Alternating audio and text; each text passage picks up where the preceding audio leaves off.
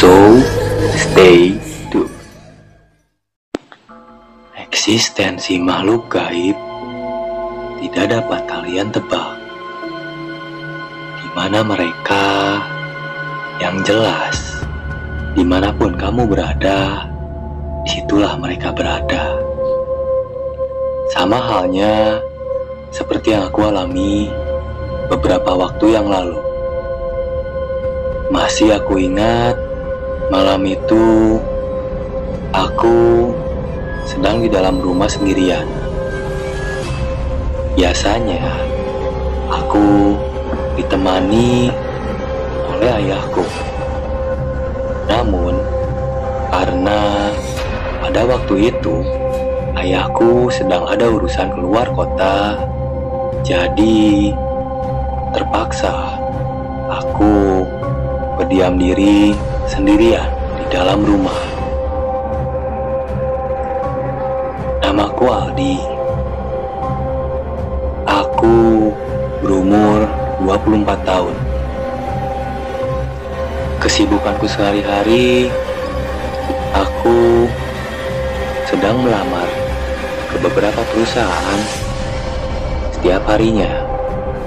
Karena memang aku saat ini belum memiliki pekerjaan karena beberapa bulan yang lalu aku baru saja berhenti bekerja di sebuah hotel di kota Bandung. Ya, pada saat aku bekerja di sana, aku sempat bertemu dengan supervisorku yang bernama Bang Japra. Beliau memang sangat dekat denganku. Jadi, jika ada apa-apa, entah itu beliau ataupun saya, pasti di antara kami selalu saling berkomunikasi. Pada suatu hari, beliau menawarkanku sebuah lemari yang pada zaman sekarang Mungkin modelnya jarang bisa kalian ketemui di toko mana pun. Karena bentuk dari lemari itu sendiri memang tidak pada lemari pada zaman sekarang. Karena lemari itu memang terkesan sangat klasik dan bisa dibilang lemari itu memiliki model khas zaman dahulu zaman nenek moyang kita. Tidak banyak lama, aku pun langsung menawarkan lemari tersebut kepada ayahku. Dan untungnya, ayahku sanggup untuk membeli lemari tersebut. Karena kebetulan, di kamarku sendiri, aku tidak memiliki lemari yang cukup besar karena banyak baju-baju yang seharusnya aku simpan di lemari dengan ukuran yang lebih besar. Beberapa hari kemudian, tidak ada yang aneh dengan lemari itu. Sampai pada suatu malam, di saat ayahku pergi keluar kota, aku diharuskan menjaga rumahku sendirian. Otomatis pada hari itu aku harus menjalani aktivitasku dari pagi sampai malam hari sendirian di dalam rumah. Pada siang dan sore hari, aku menjalani rutinitas seperti biasanya. Dan pada malam hari, sekitar pukul 9 malam aku dikejutkan dengan suara gaduh di dalam kamarku. Pada saat itu, aku tidak berpikiran yang aneh-aneh karena mungkin suara gaduh tersebut berasal dari atas kamarku. Bisa jadi itu suara kucing atau suara hewan-hewan lainnya yang berada di atas loteng kamarku. Tidak beberapa saat kemudian, aku mendengar suara yang lebih keras dari suara yang sebelumnya. Namun, yang membedakan kali itu suaranya tidak seperti suara gaduh yang sebelumnya, melainkan adalah suara ketukan di dalam kamarku sendiri. Yang jelas-jelas, pada saat itu aku di rumah sedang sendirian dan tidak ada siapa-siapa di dalam kamarku. Dan begitu juga di ruangan-ruangan lainnya.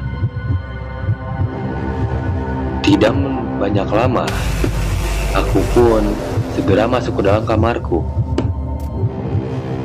Dan saat membuka pintu kamarku, aku dibingungkan dengan keadaan lemariku yang sudah terbuka cukup lebar dengan baju yang berserakan di lantai dan di kasurku. Mencoba mengingat-ingat apakah sebelumnya aku mungkin sudah mengeluar-luarkan bajuku di dalam lemari pakaianku. Tapi jelas-jelas aku setelah mengingat-ingatnya, aku tidak pernah mengeluarkan baju-baju tersebut dari dalam lemari keluar lemari, apalagi dengan keadaan yang sangat berantakan. Dari situ, aku sudah berpikiran yang tidak-tidak. Mungkin ini ada yang tidak beres. Ya, pada saat itu juga aku membereskan pakaian-pakaian itu dan merapikannya untuk dicetak kembali di dalam lemari. Pada saat aku membereskan pakaian yang berserakan itu, aku dikejutkan dengan suara di belakangku. Yang jelas-jelas ku dengar suara itu adalah suara perempuan yang berkata, "Tolong jangan kurung anak saya di dalam lemari itu. Kembalikan anak saya sekarang." Dan saat aku menoleh ke dalam lemari, benar saja di dalamnya ada sebuah anak kecil yang sedang duduk melihatku dengan tajam sambil merengek-rengek meminta untuk dipangku oleh ibunya. Wajah anak kecil itu sangatlah rata tidak memiliki mata, telinga, hidung, dan mulut.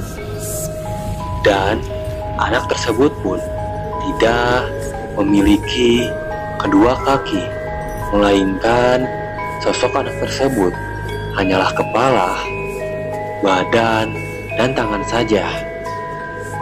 Dikagetkan dengan sosok itu, aku pun ingin berlari ke belakang, dan saat aku menoleh, Aku pun dikejutkan kembali dengan sesosok kuntilanak berbaju putih yang sangat lusuh. Dengan kedua bola mata yang keluar dan lidah yang menjulur sambil berkata, "Kembalikan anak saya sekarang."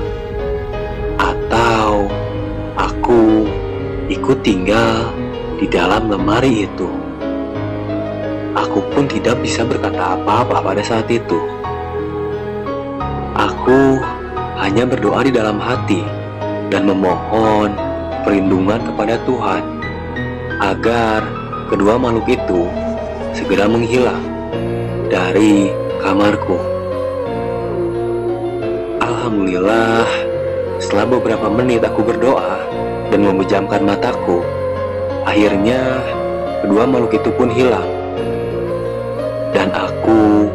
tidak menceritakan hal ini pada ayahku karena aku tidak mau membuat suasana di rumah menjadi tidak nyaman untuk didiami. Setelah aku mengingat-ingat, aku teringat omongan dari Bang Japra, si penjual lemari itu.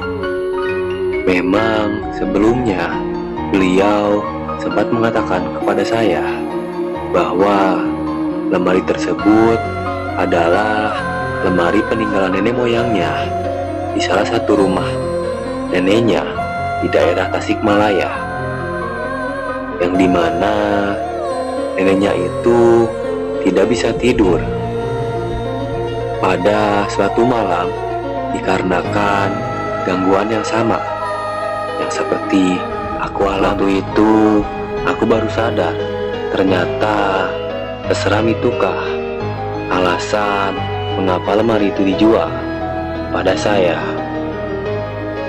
ya walaupun begitu syukurnya setelah kejadian mengerikan itu sampai rekaman ini dibuat tidak terjadi lagi hal yang mengerikan. Tapi coba kalian perhatikan. Lemari pakaian kalian. Apakah masih sama seperti sebelumnya? Atau ada yang ganjil di dalam lemari pakaian kalian.